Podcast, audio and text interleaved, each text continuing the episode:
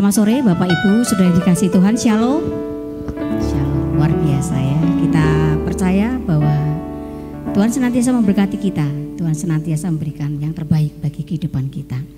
Kita akan um, memasuki atau memulai ibadah kita, namun sebelumnya saya akan membacakan beberapa pengumuman.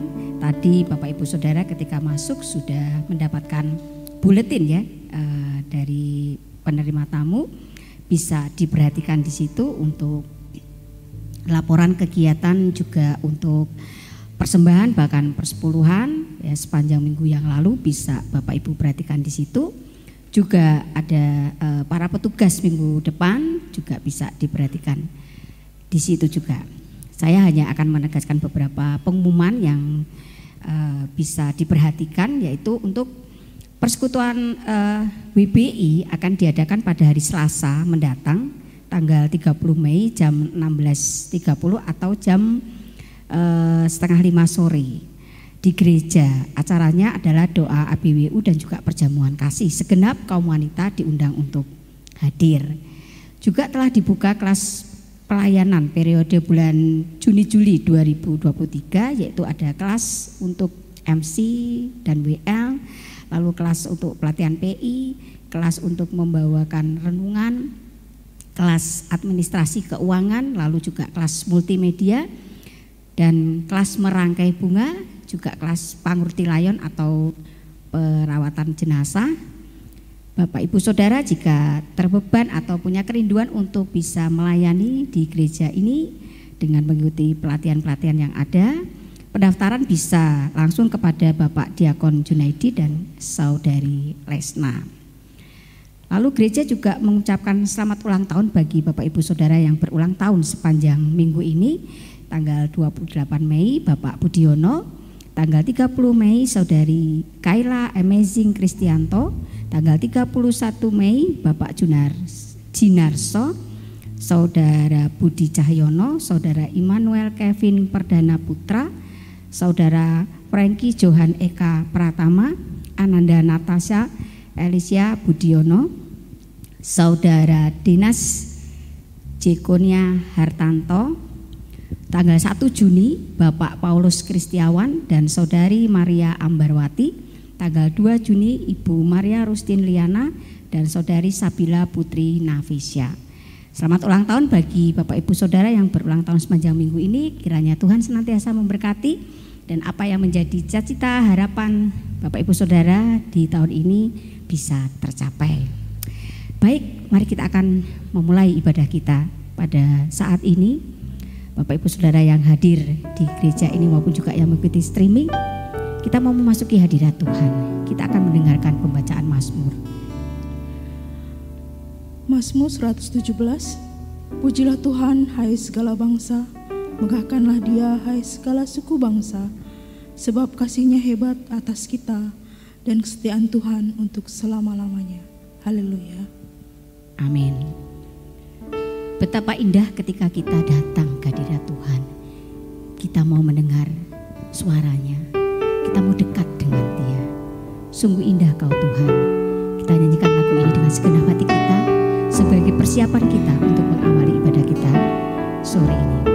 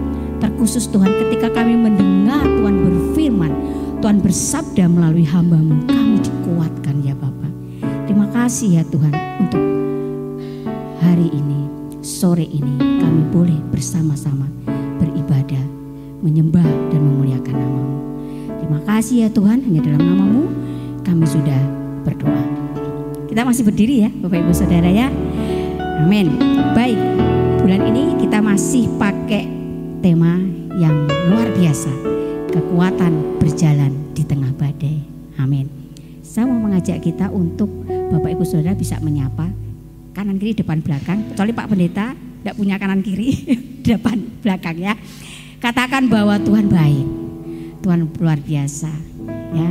Karena dia adalah raja, dia adalah sumber kekuatan bagi kehidupan kita. Dia raja, kita akan nyanyikan lagu ini dengan sukacita.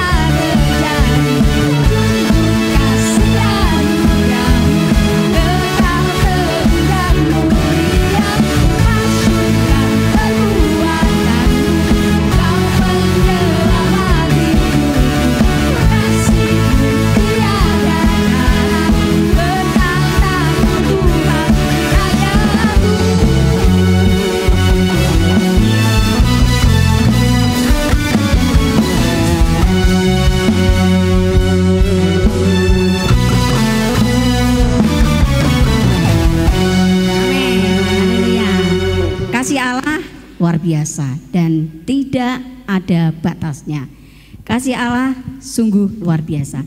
Mari kita senantiasa menaikkan kasih Allah itu dalam puji-pujian kita, dalam penyembahan kita. Kunaikan syukurku.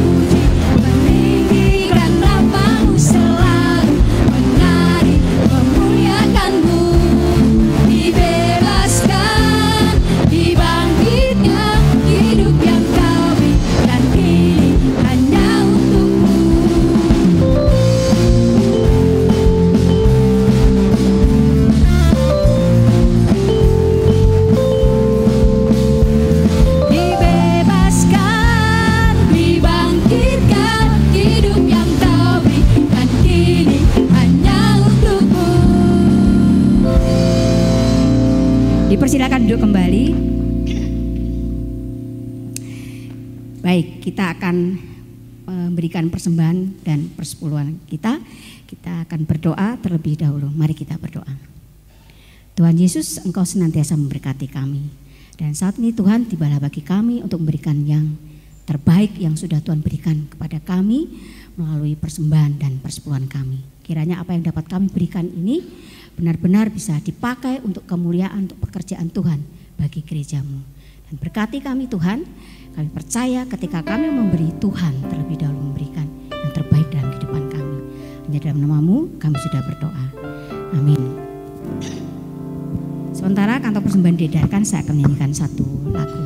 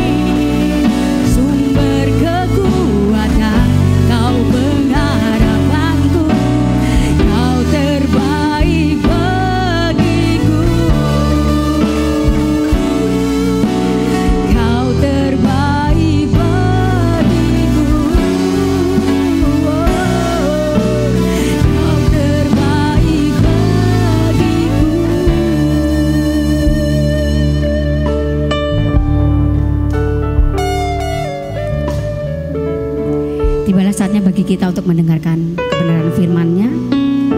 Kita mau persiapkan hati kita. Kita mau lebih lagi masuk ke hadirat mendengarkan firman-Nya. Di hadirat Tuhan kita benar-benar merasakan damai sejahtera. Kita persiapkan hati kita untuk mendengarkan firman-Nya. Agar firman-Nya ini benar-benar menjadi berkat bagi kehidupan kita. Dan kita pun mampu menjadi berkat bagi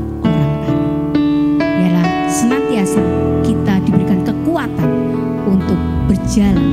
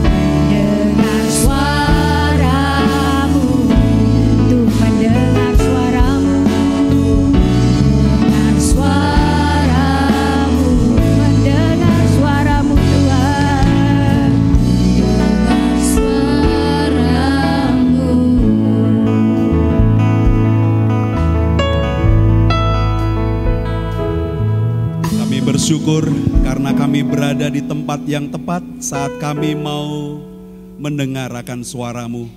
Dan kami rindu Tuhan, mari urapi kami roh kudus supaya setiap firmanmu menjadi pelita bagi kaki kami dan terang bagi jalan kami.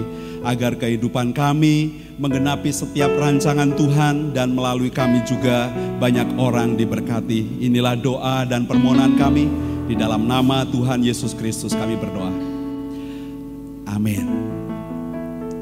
Shalom saudara-saudara, selamat malam.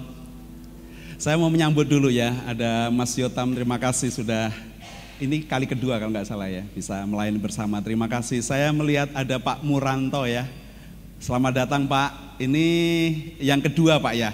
Tapi kebaktian baru sekali ini di kebaktian sore, eh, suami dari Budian. Em, waktu Natal eh, yang lalu hadir ya Pak Muranto. Jadi saya ngabsen karena beliau beliaunya persembahan, jadi tahu di depan saya. Jadi saya tahu keluarga Ibu Dian bisa hadir. Uh, yang lain beberapa saya tahu uh, hanya tidak hafal persis. Ada yang di belakang uh, Mas Tomo, ada Bapak yang uh, di belakang Bu Bu Martin juga. Dan selamat datang saudara-saudara bisa berbakti bersama di gereja ini. Uh, Tuhan Yesus memberkati. Saudara-saudara saya ingin berkhotbah dengan tema yang sama, bagian yang kedua dengan pertanyaan sedang berada di dalam krisiskah Anda? Saudara mari kita buka dalam satu Raja-Raja pasal yang ke-17. Satu Raja-Raja pasal yang ke-17 ayat 7 sampai dengan ayat yang ke-16.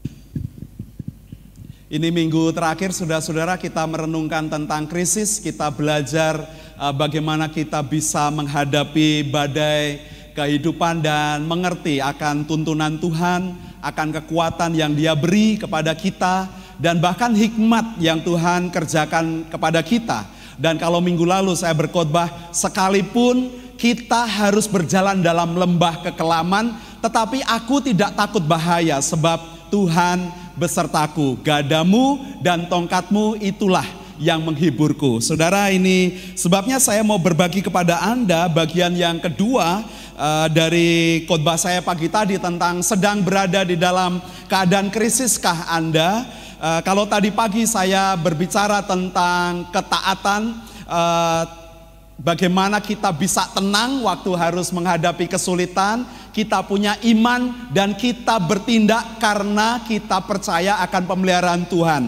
Nah, bagian yang kedua ini saudara-saudara, kalau kita sedang berhadapan atau ada di dalam uh, kesulitan, tantangan, krisis, penderitaan apa pun itu, saudara-saudara, baik secara fisik maupun non fisik, secara mental, kita juga harus bisa tough ya. Kita bisa tetap teguh dan kita belajar untuk taat. Nah, saudara, saya mencari tahu beberapa hal bagaimana kita menghadapi, atau kalau kita ada dalam uh, kesulitan, dalam uh, penderitaan, dalam kesesakan, biasanya itu muncul gejala-gejala. Yang pertama, saudara, saya mencari tahu orangnya mudah tersinggung. Kalau sudah lelah fisik, capek fisiknya, capek mentalnya juga. Kalau sudah demikian maka spiritualitas kita akan terganggu. Nah orang yang demikian akan dicobai, akan ada dalam area gampang untuk tersinggung. Mudah untuk tersinggung saudara-saudara. Orang dikapak-kapak ke, diem tersinggung, didiemin tersinggung, diomong tersinggung, bisik-bisik tersinggung, tidak dijawil tersinggung saudara-saudara. Itu berarti sudah lelah secara fisik dan mentalnya. Yang kedua, orang ini tidak sabaran. Sudah mulai tidak sabaran dan gampang marah. Ya, sudah tersinggung, tidak sabar, gampang marah. Lalu yang ketiga, tidak punya motivasi, saudara-saudara. Tidak ada pendorong, ya, didorong-dorong, bisa jelungup, ditarik-tarik bisa terjungkal. Nah ini biasanya demikian karena harusnya motivasi itu muncul dari dalam diri kita di luaran itu hanya bersifat stimulan saudara-saudara. Jadi kita perlu mewaspadai gejala ini ya. Yang keempat, orang uh, tersebut biasa ada dalam kegelisahan. Gelisah, galau, takutnya berkelebihan ya, berlebihan karena kepada masa depan, kepada sesuatu yang kita belum tahu dan orang ini biasanya ada dalam keadaan demikian. Yang kelima, saudara-saudara, uh, mungkin kalau kita pernah ngalaminya, tahu-tahu kita nangis. Pengen rasanya nangis karena itu berarti ada dalam uh, tekanan, ada dalam frustasi. Orangnya bukan saja capek secara fisik, tetapi mentalnya juga, saudara-saudara. Nah, itu mempengaruhi spiritualitas kita. Yang keenam, orangnya biasanya uh, mulai merasa sendirian, terasing merasa tidak punya teman, tidak ada yang bersimpati, tidak ada orang yang menanyakan kabarnya, tidak ada orang yang ngabar ke dia. Biasanya mulai merasa terasing, sendiri, menarik diri dari kerumunan, menarik diri dari pergaulan secara umum. Nah itu biasanya menjadi gejala di dalam kehidupan orang-orang yang sudah mulai lobet ya batu baterai chargernya, casnya mulai uh, lobet. Nah biasanya uh, demikian. Lalu yang ketujuh saudara-saudara, bagian yang ketujuh kalau saya belajar tentang hal ini, gejalanya adalah mulai gampang uh, capek meskipun dia banyak tidur tetapi tidak bisa rest, tidak bisa istirahat dengan benar ya dengan baik. Jadi ini ada dalam stres, dalam frustasi, dalam tekanan dan kita ngerti gejalanya. Nah, Saudara, kalau kita tahu gejalanya demikian, maka uh, gimana kalau kita berinteraksi dengan orang-orang serumah? Kalau aku gampang tersinggung, capek, gampang tersinggung, capek, gampang marah, ya kalau dengan orang serumah pasti nggak betah ya. Nah itu perlu uh, kita bisa mengelola dengan baik saudara-saudara. Nah kita bisa belajar dari bagaimana Elia menghadapi tantangan, dia di maintain, dirawat oleh Tuhan, dia dipelihara oleh Tuhan dengan luar biasa. Pasal 17, pasal 18, pasal 19 memberitahukan bagaimana Allah merawat, memelihara Elia, saudara-saudara.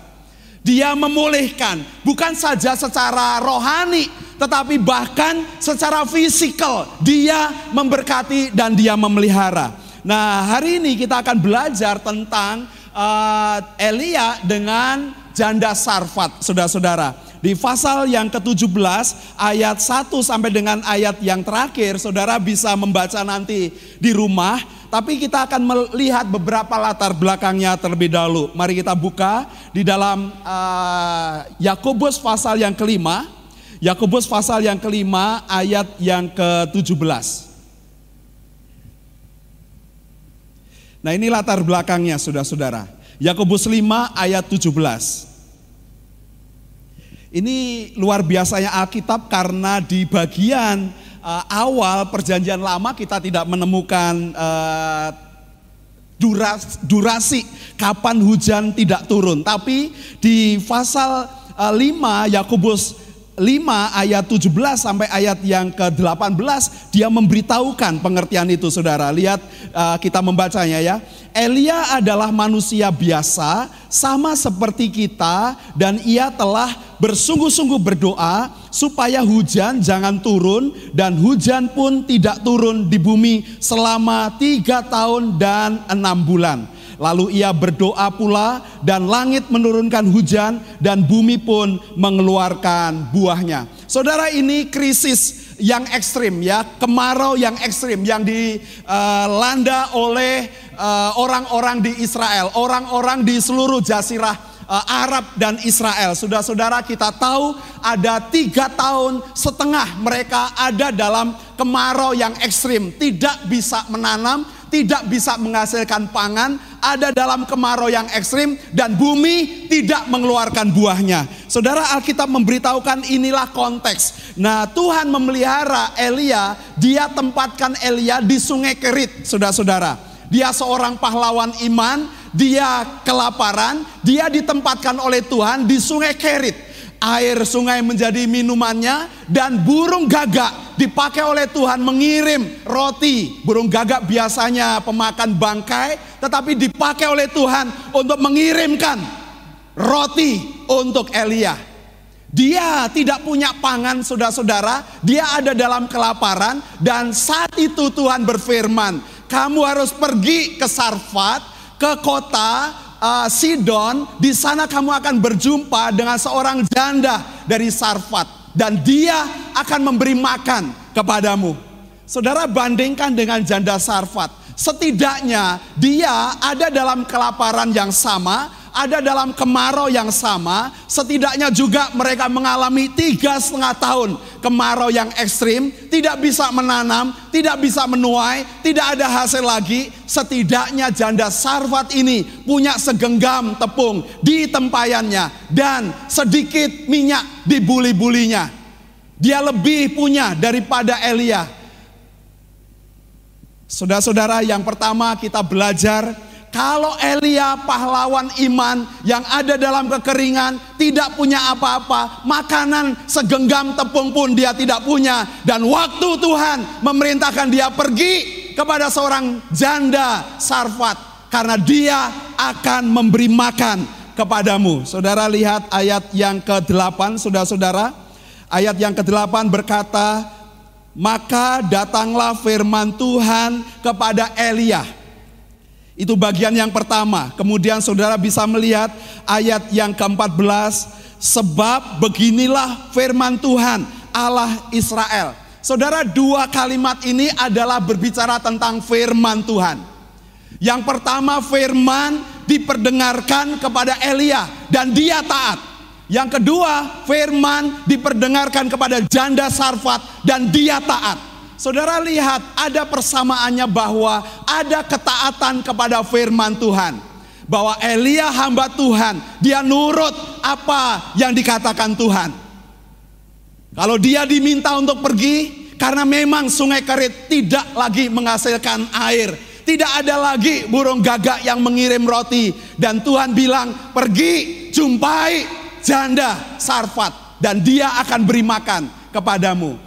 Uh, seorang pahlawan besar saudara-saudara seperti Elia mulutnya saja bisa mengunci surga mengunci langit untuk um, tidak mendatangkan air hujan dan mulutnya juga bisa membuka semata-mata karena seorang ini orang yang luar biasa saudara-saudara. Dia seorang pahlawan iman. Nah, tapi kalau lihat uh, dalam biografinya saudara mulai pasal 17, 18, 19 waktu dia diancam saudara oleh Isabel istri Ahab dia pergi, dia melarikan diri dan mulai ngeluh sama Tuhan. Aku ini sudah segiat-giatnya bekerja untuk Tuhan. Aku ini sudah bekerja segiat-giatnya untuk engkau. Tapi ada yang masih mau mengancam nyawaku. Saudara, Anda bisa temukan itu dalam pasal yang ke-18, pasal yang ke-19, bagaimana dia dirawat, dipelihara oleh Tuhan. Sekalipun ada dalam krisis secara mental, secara spiritualnya juga dia dirawat oleh Tuhan. Saudara yang penting bagian yang pertama ini, apakah waktu Anda saya mendengar firman, kita taat Elia diperintah oleh Tuhan dan dia pergi, dia taat. Tanpa tanya saudara-saudara. Beda dengan pasal di ayat-ayat yang lain dan dia berdialog dengan Tuhan. Nah saya berpikir memikirkannya kadang tentang urusan makan, urusan pangan, urusan uang. Kita macam apa aja kita bisa tabrak saudara-saudara. Ya, kita kalau diperintah, oh di sana ada roti, kita pergi kan pasti. Oh di sana ada makanan pasti kita pergi. Oh di sana ada kerjaan pasti kita pergi. Kalau urusannya tentang yang fisikal, biasanya kita bisa dan sanggup merelakan banyak hal untuk kita bisa pergi dan mendapatkannya. Nah, tetapi saudara-saudara lihat di sini bahwa Allah memberitahukan kepada Elia untuk pergi kepada seorang janda Sarfat. Waktu dia tahu bahwa janda Sarfat ini sedang mencari kayu bakar dan dia baru diberi informasi kalau janda Sarfat ini mencari kayu bakar, kemudian dia pulang, aku pulang, aku akan buat uh, roti dari segenggam tepung di dalam tempayan dan sedikit minyak dari buli-buli yang aku punya. Setelah itu aku akan makan dan memberi makan pada anakku. Setelah itu kami mati. Saudara-saudara sebagai seorang hamba Tuhan uh, Elia saya menggambarkannya pasti dia agak syok ya, kaget. Dia syok, dia uh, kaget karena janda Sarfat ini bukan seorang yang kaya, bukan seorang yang punya persediaan tepung yang banyak berlimpah-limpah di gudang logistiknya tersedia dengan cukup. Dia tidak menjumpai seorang janda Sarfat yang kaya, sekalipun kota Sidon adalah kota besarnya, kota yang kaya, yang luar biasa, saudara-saudara, diperintah oleh raja yang luar biasa, tetapi dia diberi tahu oleh Tuhan untuk berjumpa kepada seorang janda yang miskin, yang hanya punya segenggam tepung dalam tempayan dan sedikit minyak-minyak di dalam buli-bulinya. Dia tidak menjumpai orang lain yang memiliki harta yang lebih banyak. Tapi saudara-saudara Anda bisa membaca di dalam ayat berikutnya ayat 11, 12, 13. Dia berkata, coba ambil dulu buat bagiku satu roti bundar kecil. Buat untukku dulu, bawa untukku, setelah itu untuk kamu dan anakmu. Karena Tuhan akan memelihara engkau sampai hujan akan turun. Saudara-saudara, ini adalah firman yang diberi oleh Tuhan kepada Elia dan diberikan kepada janda Sarfat ini. Saudara, ini yang bagian yang kedua. Kalau saya mendengar dari Tuhan, saya tahu akan suara Tuhan, saya beriman akan suaranya, mesti aku budal. Tetapi kalau ada orang yang bicara kepada Anda, orang memberi nasihat firman, Anda mendengar firman, dan kemudian kita tahu keadaan kita. Setelah saya makan segenggam tepung dalam tempayan ini dan membuatnya roti untuk aku dan anakku, habis itu aku mati, tidak gampang, saudara-saudara. Tidak gampang bagi seorang janda uh, miskin ini, janda sarfat ini, untuk membuatkan roti dan mendengar firman dan membuatkan roti dan memberikan kepada Elia. Tidak gampang. Tetapi saudara-saudara ayat yang ke-14 memberitahukan kepada kita sebab beginilah firman Tuhan Allah Israel tepung dalam tempayan itu tidak akan habis dan minyak dalam buli-buli itu pun tidak akan berkurang sampai pada waktu Tuhan memberi hujan ke atas muka bumi. Saudara, apakah kita adalah orang-orang yang taat, saudara-saudara? Apakah kita seorang yang taat? Nah, mari kita lihat satu persatu, saudara. Saya punya gambaran uh, di Israel itu, saudara-saudara, ada uh, terus next day. Lagi. Ya, di Israel itu uh, terdiri dari padang gurun, saudara-saudara. Uh, bahkan bangsa itu 40 tahun keliling di padang gurun. Di Cina itu banyak juga padang pasir, padang gurun. Di Jazirah Arab banyak juga padang pasir, padang gurun, saudara-saudara. Uh, tapi saya melihat saudara-saudara tahun 2018 mereka ini baru memulai membuat danau-danau uh, buatan, saudara. Itu luar biasa ya. Uh, next slide.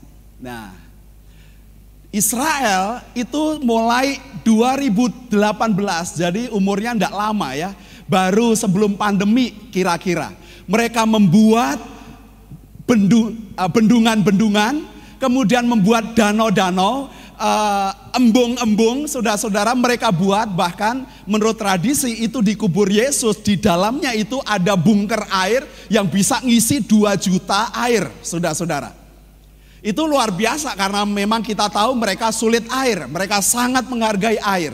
Jadi mereka membuat 230 danau buatan dan hari ini kalau Anda lihat searching di uh, semua uh, jazirah Arab di daratan Cina, di gurun-gurun di Cina maupun di Israel, Anda mendapatkan mereka dipenuhi dengan padang rumput yang hijau luar biasa. Mereka sangat menghargai air. Mereka sekalipun tidak ada hujan sudah biasa karena bunker-bunker mereka buat saudara di setiap rumah ada bunker-bunker air yang bisa men menandon setiap persediaan air untuk mereka. Mereka sangat menghargai air. Jadi kita ngerti konteksnya kalau orang Israel ada dalam kemarau yang panjang yang luar biasa dan memang tidak bisa bumi mengeluarkan buahnya seperti Alkitab berkata, tapi kita bisa melihat bagaimana Allah memberkati orang-orang ini karena ada hikmat dan hidup di dalam ketaatan. Saudara, bagian yang pertama yang sangat penting kalau kita mau belajar jadi orang yang taat, saudara-saudara, saya mencatatnya kita harus punya tujuan yang benar. Orang yang taat itu sebenarnya kita diberi arah diberi direction, diberi arah, diberi tujuan yang tepat, saudara-saudara. Kalau kita menyimpang dari tujuan, itu namanya hamartia, artinya dosa, saudara. Jadi kalau saya diberi ketaatan, maka saya harus belajar, ya. Saya harus belajar. Saya pernah menggambarkan di kelompok eh, orang-orang uh, muda dalam sebuah retreat, orang yang taat itu kira-kira begini, saudara-saudara. Aku diberitahu oleh mamahku ya, oleh ibuku. Le, kamu laki-laki, kamu jangan pacaran sembarangan. Kamu punya adik-adik perempuan. Nah, sebelum ada adik saya laki-laki ya. Kamu punya adik-adik perempuan, saudara-saudaramu perempuan. Jaga nama baik orang tua. Dan kamu harus nurut, harus taat pada firman Tuhan. Dan hidup kudus di dalam Tuhan. Jadi waktu saya berjalan saudara-saudara, kalau saya tahu itu, wih, ono cewek cantik nih. Wah, digodo ah. Waktu mau digodo, aku ingat ibuku bilang, Le, kamu anak hamba Tuhan, kamu punya saudara perempuan, kamu semua orang-orang di sekelilingmu ngerti tentang kamu. Jadi saya mulai ingat lagi ya, saya berjalan lagi sesuai dengan tujuan. Itu orang yang taat, saudara-saudara. Belajar untuk itu, ya. Jadi kalau mulai menyimpang maka itu disebut hamartia, tidak taat. Itu orang yang punya tujuan yang benar. Itu pondasinya, saudara-saudara. Kita belajar tentang itu. Yang kedua, saudara-saudara, kalau kita hidup dalam ketaatan, saudara-saudara, kita belajar untuk tidak menyimpang. Nah, Makanya di Alkitab itu memberitahukan dengan cara yang menarik bahwa misalnya di Efesus pasal uh, eh, 2 Saudara-saudara, mari kita buka Efesus pasal 2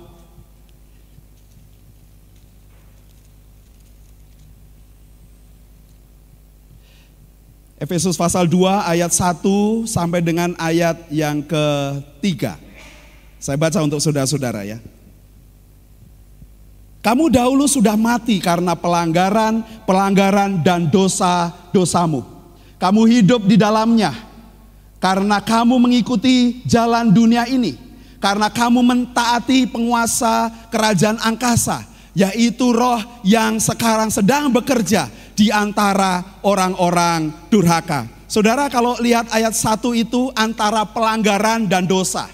Nah bagian yang kedua adalah pelanggaran, menyimpang. Jadi kalau saya sudah berjalan, saudara-saudara, kalau saya mau menyimpang, kalau saya mau taat, berarti waktu saya menyimpang, saya mau taat, saya ingat mau menyimpang, saya ingat, le, kamu anak hamba Tuhan, saudara-saudaramu perempuan, kamu harus menghormati mereka, kamu harus menjaga dirimu, kamu harus jadi berkat, orang-orang sekelilingmu tahu. Jadi saya harus taat. Ibuku di rumah, saya di sini, ibu saya tidak tahu, saudara-saudara. Tapi kalau mau taat, saya ingat itu, itu namanya taat. Tapi yang kedua, pelanggaran. Pelanggaran itu artinya Tuhan sudah memberi garis. Ya, dia memberi uh, kalau kita ngomong ya toleransi, ya kan? Dia memberi garis, saudara-saudara. Dia memberi uh, panduan bagi kita. Waktu orang melanggar berarti nabrak pagar, saudara. Itu menyimpang. Nah, Alkitab memberitahukan kalau kita mau belajar untuk taat, jangan menyimpang. Kalau kita mau mendengarkan Tuhan, jangan menyimpang. Bagian yang pertama waktu Elia mendengar suara dari Tuhan, oh saya ngerti, gampang untuk taat. Oh suara dari Tuhan, gampang untuk taat ya. Karena saya mendengar langsung dari Tuhan. Tapi kalau membaca, mendengar dari orang, ini ketetapan, ini angger-angger, ini hukum, ini aturan, Apakah kita tetap on the track, ada di jalurnya, di jalan Tuhan dan tidak menyimpang ke kanan atau ke kiri.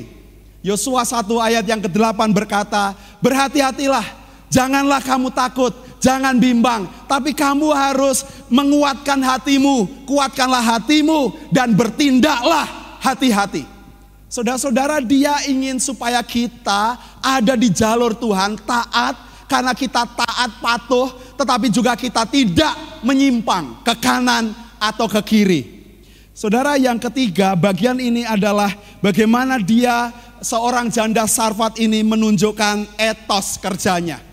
Perlu kerja keras, saudara-saudara. Tidak ada yang di dalam kehidupan ini yang tidak bekerja keras.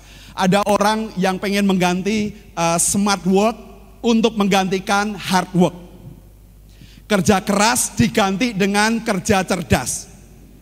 Pengennya gitu. cerdas saja sudah jadi. Ah, emang bisa, nggak bisa saudara-saudara. Aku cerdas, aku ngerti proses gimana padi menjadi nasi. Aku ngerti prosesnya, aku cerdas. Tapi bulir padi tetap menjadi bulir padi kalau saya tidak kerja keras untuk menjadi nasi. Saudara-saudara kita tidak hanya membutuhkan kerja cerdas, tetapi Alkitab memberitahukan juga etos kerja kita. Setiap kita perlu bekerja keras, saudara-saudara. Tadi pagi kami ketemu dengan anggota gereja yang udah lama ndak kebaktian ya. Uh, saya datang, saya kenal, kemudian orangnya datang lagi ke gereja dan kemudian ya udah mulai akrab, mulai tahu. Setelah itu ngilang ya. Waktu tadi datang saya bilang agak pangling, saya menyapa dia, wah saya bersuka cita. Dia datang, ya puji Tuhan. Nah di lain sisi istri saya berkata, iyo aku kemarin tuh sedang memikirkan tentang dia. Ya. Saudara ini yang aneh ya. Saudara diperlukan seorang yang tetap kerja keras, saudara-saudara. Sebagai seorang hamba Tuhan, sebagai seorang pendeta, aku kerja keras. Seberapa banyak kawanan domba Allah yang Tuhan percayakan padaku, diperhatikan dengan baik, didoakan setiap hari, bahkan dipikirkan, saudara-saudara. Luar biasa. Dia beritahu ke saya, iyo aku kemarin sedang mikirin dia. Bojone ora cemburu ya kan? Ndak cemburu kan? Ndak cemburu mikir ke wong liya ya. Ndak cemburu saudara-saudara. Karena pekerjaan gitu ya. Pekerjaannya begitu. Memikirkan mendoakan ya. Ngerti coba ngupdate status ya.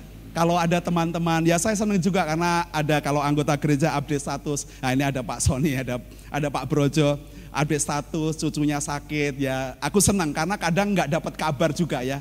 Pengen peduli, pengen perhatian ya kan. Pengen memperhatikan. Nah kita tahu itu. Nggak ada soal dengan itu saudara-saudara. Tetapi apakah setiap Anda mau bekerja keras dalam kehidupan ini? Apa pun itu kita kerja keras. Janda Sarfat dia bekerja keras. Dia mencari kayu api, kayu bakar. Dia tahu kalau dia buat makanan itu menjadi roti dan dia makan untuk dia dan anaknya. Setelah itu dia mati. Alkitab memberitahukan tentang itu saudara-saudara. Dia berkata kepada Elia, habis kami makan, kami ini kemudian mati. Saudara lihat ayat yang ke-17 saudara. Ayat yang ke-17. Dari satu Raja-Raja 17 ayat 17. Sesudah itu anak dari perempuan pemilik rumah itu jatuh sakit dan sakitnya itu sangat keras sampai tidak ada nafasnya lagi.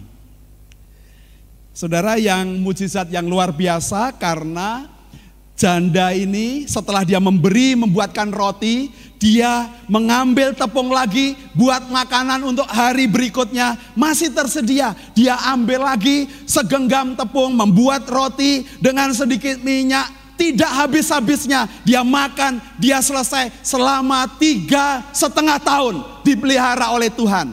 Apakah tempayan yang isinya tepung itu menjadi segudang logistik yang tersedia, saudara-saudara?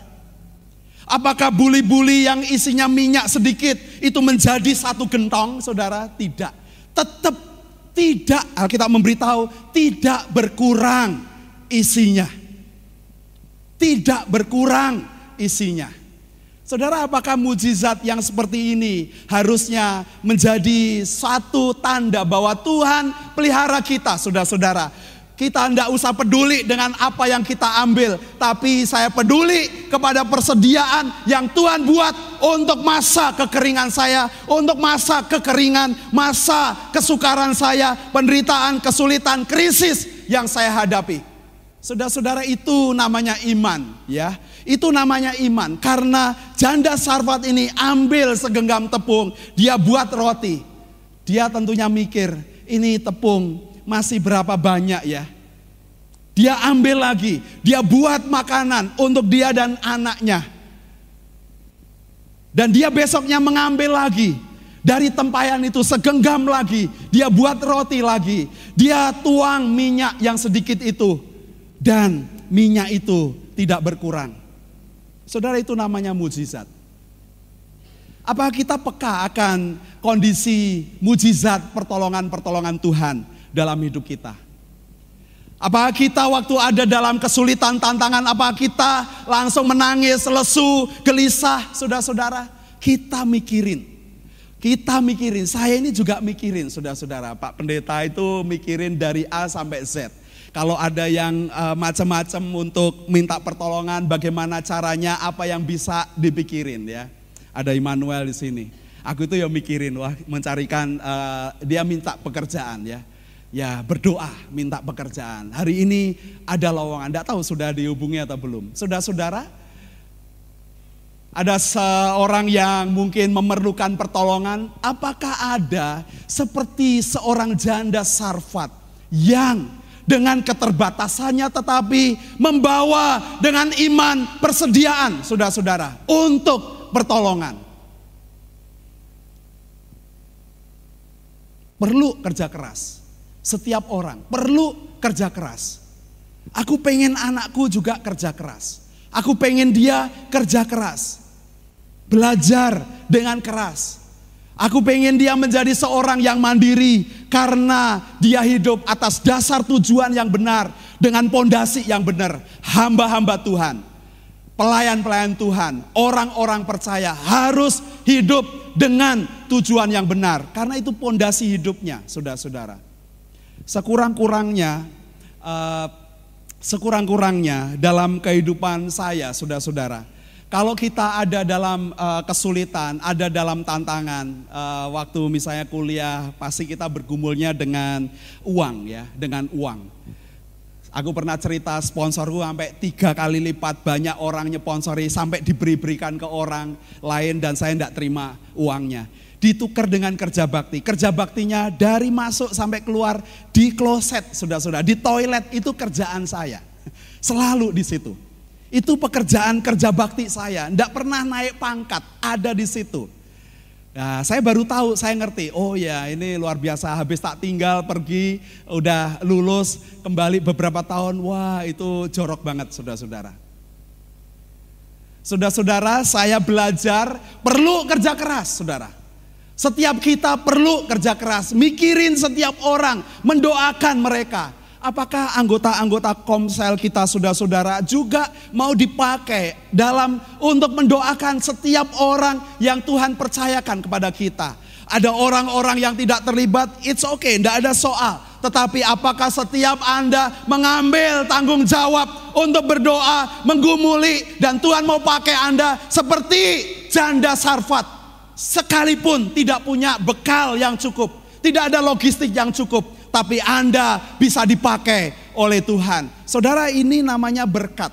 Karena kita punya pondasi yang kuat, saudara-saudara. Kita hidup seperti seorang selancar yang perlu ombak yang datang. Perselancar itu saudara-saudara, kalau tidak ada ombak, dia cari bagaimana ada ombak. Dia taruh papan luncurnya di ombak itu supaya dia dapat meluncur dengan indahnya. Semakin dia dengan tantangan yang sulit, yang susah, faktor kesulitannya tinggi, semakin dia dapat poin, saudara-saudara. Peselancar yang baik adalah orang yang bisa menggunakan ombak badai yang datang dalam hidupnya untuk Anda meluncur maju. Saudara-saudara, setiap kita harus punya etos pelayanan, etos kerja demikian. Kita tentu berjalan di dalam badai. Tidak ada persoalan Pemasmur berkata, sekalipun aku berjalan dalam lembah kekelaman, tapi aku tidak takut bahaya. Sebab engkau besertaku. Saudara-saudara, kita perlu berselancar, saudara-saudara. Papan luncurnya adalah firman. Slide yang terakhir, Dek. Nah, ini harusnya demikian ya. Papan luncurnya itu adalah firman. Apa kita mau taat, berdiri kokoh di atas firman, itu namanya taat. Patuh. Dia arahin kita ke mana patuh. Asal Anda tidak keluar pagar. Dia tidak keluar dari firman, saudara-saudara. Itu supaya kita tidak menyimpang. Dan saya belajar, Kita semua perlu belajar bagaimana memanfaatkan ombak yang datang dalam hidup Anda. Tuhan mau pakai Anda dengan lebih lagi ya. Kalau ada tantangan itu gampang, udah biasa. Ditinggal orang merasa sendirian, tidak ada persoalan. Anda punya penghibur yaitu Tuhan, gembalamu yang baik. Kalau ada dalam kesulitan, datang kepada Tuhan, cerita kepada orang lain. Tuhan mau pakai mereka. Dia mau pakai setiap Anda seperti perempuan Sarfat ini. Yang meskipun logistiknya nggak banyak, tetapi bisa dipakai untuk menjadi alat bagi Tuhan. Waktu aku dikabarin ini ada Rita, ada Bu Martin di, aku dikabarin Pak Pendeta Rita uh, sedang sakit itu udah dikabarin uh, 5-6 hari ya uh, Rita ya, Bu ya. Dikabarin demikian. Apa yang harus lakukan? Berdoa. Aku kalau mau datang, Tuhan bilang berdoa dulu. Ya, berdoa dulu. Kadang kita bilang, kadang menjadi sok pahlawan ya, sok pahlawan. Kayak pemadam kebakaran. Kalau ada suatu mau cepat-cepat ke sana, oh cepat-cepat ke sana. Tapi waktu saya mau pergi, Aku udah bilang sama Bu Endi, agendaku ini, ini, ini. Uh, kemudian, loh kok nggak jadi? Iya, nggak jadi, aku ngerjain yang lain. Berkali-kali, sampai di titik tertentu, waktu saya datang, Rita sudah sehat. Ya memang minggu lalu tidak datang, dia beritahu, Pak Pendeta aku sehat, aku kuat. Dulu hanya begini-begini, ya dan lain sebagainya. Dan ada sukacita, saudara-saudara. Saya merasa bahwa Tuhan bekerja lebih dulu dia berjalan di depanku, dia membuka setiap jalan dan saya tahu bahwa itu yang harusnya nanti nama Tuhan yang dipermuliakan. Kadang aku pengen sok pahlawan, kadang kita juga menjadi seperti seorang yang sok pahlawan, saudara-saudara. Elia menjadi seorang yang sok pahlawan, sok merasa dibutuhkan. Tapi coba tahan sebentar, tenang sebentar, nantikan kerja Tuhan dan dia akan menolong kita. Dan kita enteng, saudara-saudara. Tapi itu yang namanya kerja keras. Saudara-saudara kita belajar seperti seorang yang berselancar. Jangan takut saudara-saudara kalau ada badai, itu cara Tuhan untuk melatih Anda dengan keterampilan yang lebih lagi. Anda kalau beri tutorial kepada orang yang belum berselancar, oh Anda gampang, Anda ngerti, oh ombak itu harus begini, begini, begini. Tapi yang belum ngerti, saudara, mesti ada dalam ketakutan. Anda bisa ada di next level karena Anda punya ombak dan berpengalaman mengatasi tantangan itu. Saudara-saudara, itu hakikatnya bagaimana kita bisa berselancar dengan Tuhan. Bagaimana Tuhan minta juga saudara-saudara ini sebagai penutup. Uh, Rick Warren berkata tentang gereja saudara-saudara. Dia berkata demikian. Kita sering minta supaya gereja tidak ada tantangan ya. Kita supaya minta gereja itu damai, hidupnya damai dan lain sebagainya. Kebaktian gampang saudara-saudara. Tapi kalau misalnya di Manipur ada penganiayaan besar, Gereja dirobohin, gereja dibakar, perempuannya diperkosa, difoto, diekspos ke dunia. Saudara-saudara, betapa itu menyakitkan, ngeri. Dan itu terjadi hari ini. Dan itu terjadi sakit secara psikisnya enggak selesai-selesai saudara-saudara. Kita ada dalam keadaan nyaman, damai, tapi saudara-saudara Rick berkata, apakah kita harusnya minta supaya ada ombak dan kita harusnya minta supaya bagaimana kita bisa berselancar di atas ombak. Tuhan yang membuat itu supaya kita berselancar di atasnya. Saudara-saudara gereja, persekutuan, keluarga kita, setiap pribadi kita harus mengenali ombak-ombak yang seperti ini. Ombak badai, apakah itu akan menghancurkan kapal Anda, akan menghancurkan papan seluncur Anda, tetapi Anda perlu berdoa, minta hikmat Tuhan supaya Anda bisa berjalan di atas ombak. Sekalipun Anda berjalan di dalam lembah kekelaman, jangan takut bahaya sebab gadamu dan tongkatmu itu yang menghibur aku. Ia akan menyediakan hidangan di hadapan lawanku. Dan kebajikan dan kemurahan Tuhan belaka akan mengikutimu seumur hidupmu. Saudara-saudara itu janji firman Tuhan. Mari kita pegang janji firman Tuhan, taat dan jangan menyimpang ke kanan atau ke kiri. Amin. Mari kita berdoa.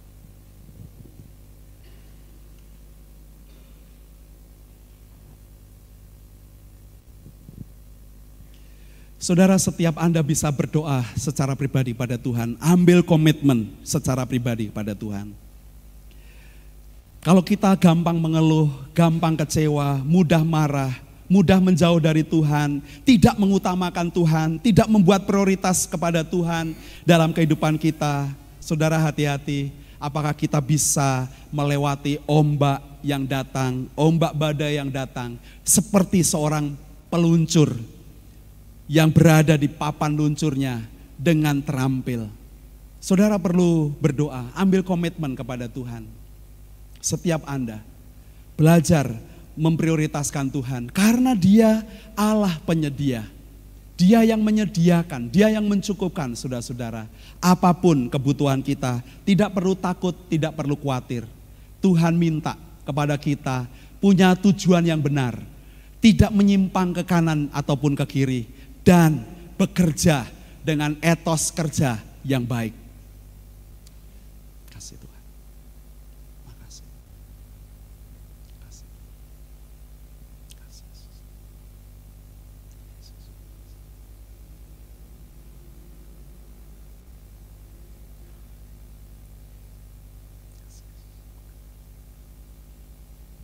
Mari kita akan berdiri bersama-sama, kita akan berdoa syafaat dan menutup dengan doa berkat.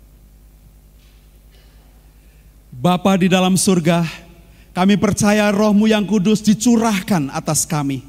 Dan kami mengingat di hari Pentakosta ini, bahwa rohmu yang kudus berkuasa menguasai setiap orang yang mengaku percaya kepada Yesus Kristus sebagai Tuhan dan Juru Selamat, dan hidup mau dikuasai oleh Tuhan, mau mengikuti jalan-jalan Tuhan, diberkati, dipakai oleh Tuhan di dalam jalan-jalan kehidupannya. Bapa, berkatilah, berkatilah gereja kami, supaya rohmu yang kudus mengendalikan, menguasai, memimpin pelayanan kami. Kami semua diikat dalam kasih persaudaraan, ikatan persekutuan yang kuat. Dengan kami bisa menjadi saksi-saksi Tuhan yang hidup, memuridkan generasi demi generasi, menjadi berkat bagi bangsa-bangsa. Tuhan pakai. Kami rindu supaya namamu dipermuliakan.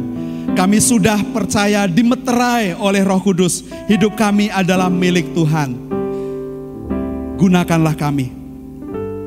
Seperti perempuan sarfat yang bisa jadi berkat. Menjalani dengan iman memberi lebih dulu kepada orang lain. Dan kami percaya engkau menyediakan, menyediakan hidangan sampai musim hujan turun kembali. Engkau menyediakan hidangan bagi kami sekalipun ada di depan lawan-lawan kami. Dan biarlah rohmu yang kudus mengajar, mendidik, melatih kami, anak-anakmu. Mari Tuhan urapilah setiap kami roh kudus supaya kami mau dan peka akan suara Tuhan, mengutamakan Tuhan. Kami mengenyampingkan suara-suara polusi orang-orang yang tidak mengasihi Tuhan.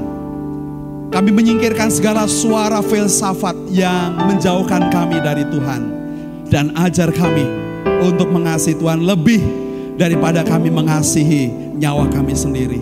Tuhan berkatilah gereja ini, supaya melalui pelayanan misi dan diakonia menjadi berkat bagi banyak orang. Berkati pelayanan sekolah kami, sivitas sekolah kami dipakai oleh Tuhan dengan luar biasa. Dari pengurus, pengawas yayasan, dan guru-guru dipakai oleh Tuhan, diberkati oleh Tuhan.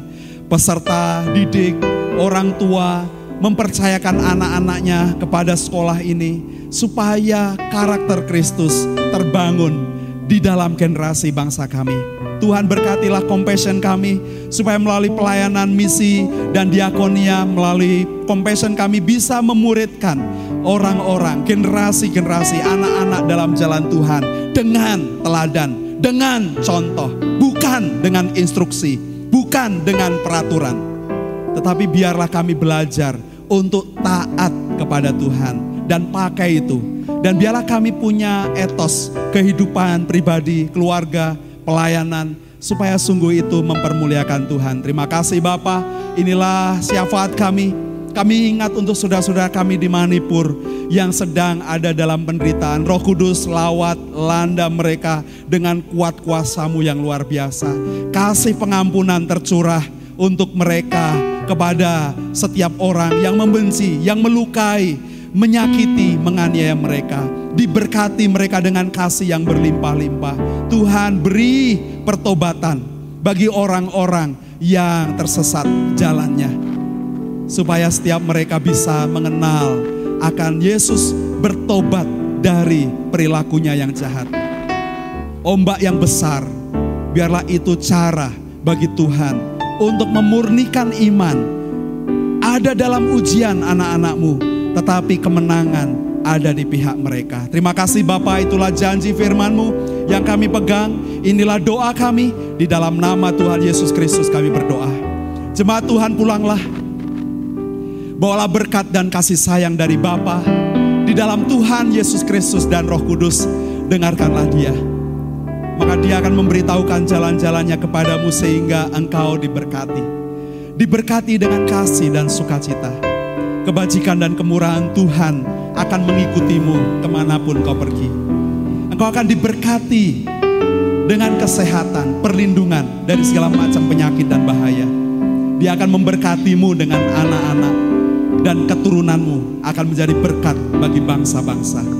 Dia akan memeliharakan kehidupanmu secara total, melimpahkan rezeki dengan murah hati, dan setiap tangan-tanganmu yang bekerja diberikan keterampilan, keberhasilan, dan keberuntungan. Dan saksikanlah pada orang lain apa yang sudah Bapamu perbuat dalam kehidupanmu sehingga orang melihat perbuatan Bapamu yang ajaib dan mereka juga menyembah Bapamu yang di sorga.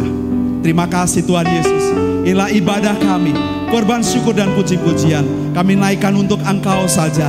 Yesus Kristus, kepala gereja kami dari sekarang sampai selama-lamanya. Haleluya. Amin.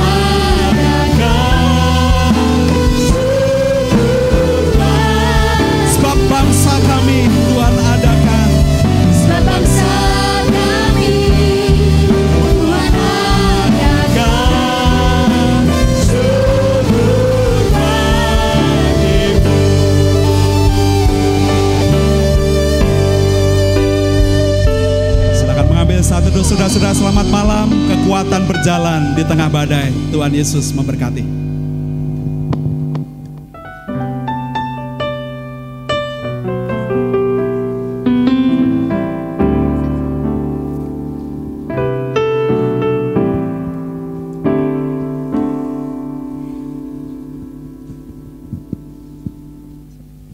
Selamat malam, Tuhan Yesus memberkati.